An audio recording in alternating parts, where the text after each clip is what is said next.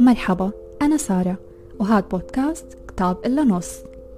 كتاب إلا نص اسمه كتير غريب يعني ليه إلا نص مثلا؟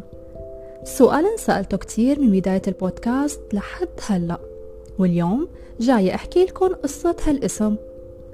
من زمان كتير يعني لما كنت ابتدائي كنت حب كتير جمع معلومات عن شغلات مختلفة. عن تاريخ البلد عن الحضارة والعلماء ليه دمشق اسمها دمشق وشو يعني قارات شو يعني حدود وليه بالفوتبول كل فريق لازم يكون 11 لاعب مو أكتر وأسئلة كتير من هالنوع. وطبعا كنت جمع هالمعلومات هي من خلال أسئلتي الفضولية لبابا وماما وأي حدا قدامي. ما كنت بعرف أنه في مئات الكتب اللي بيحكوا عن كل هالمواضيع اللي بتخطر على بالي ولا حتى كنت بعرف أنه الشي اللي عم بعمله يسمى ثقافة. كان مصطلح كتير كبير على مسمعي وبعدها بفترة قررت أنه يكون عندي مكتبتي الخاصة وأتخلص من قصة ليلى والذئب يلي ما كنت حبها أبدا. بلشت أستعين بالأول بمكتبة بابا. الكتب كانت كبيرة جدا على عمري ولكن كنت كتير مبسوطة بفكرة أني ماسكة كتاب وعم أقرأ.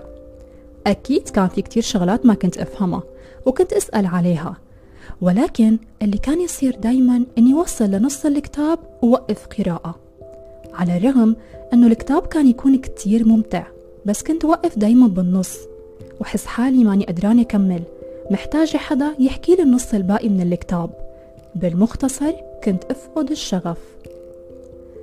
الموضوع هذا استمر فترة طويلة كتير أقرأ كتاب وأتركه بالنص لحد لما وصلت للثانوي. ووقتها اشتركت بمسابقة اسمها تحدي القراءة العربي. أكيد كلكم سمعتوا عنها وكان لازم كون قارئة خمسين كتاب كاملين لأني رح أنسأل فيهم وكأني بامتحان. ووقتها بقدر أقول إني كنت مجبرة خلص الكتاب للآخر وما في مجال أترك حتى صفحة واحدة. الفكرة أني لما اشتركت بهالمسابقة ما كان عندي معلومات كاملة عن أي كتاب. كان دائما في جزء مفقود.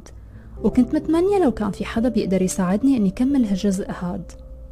من خلال هالتجربة خطر اسم كتاب إلا نص على بالي لأنه حوالينا في كتير ناس بيحبوا يقرأوا ولكن ما عندهم الصبر ولا الطاقة أنه يكملوا كتاب للآخر ومحتاجين يسمعوا أكثر من أنه يقرأوا.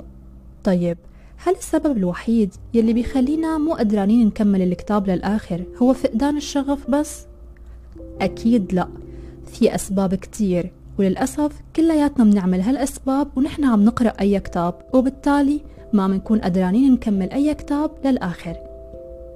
والأسباب هي رح تعرفوها بالحلقات الجاية كانت معكم سارة من بودكاست كتاب إلا نص.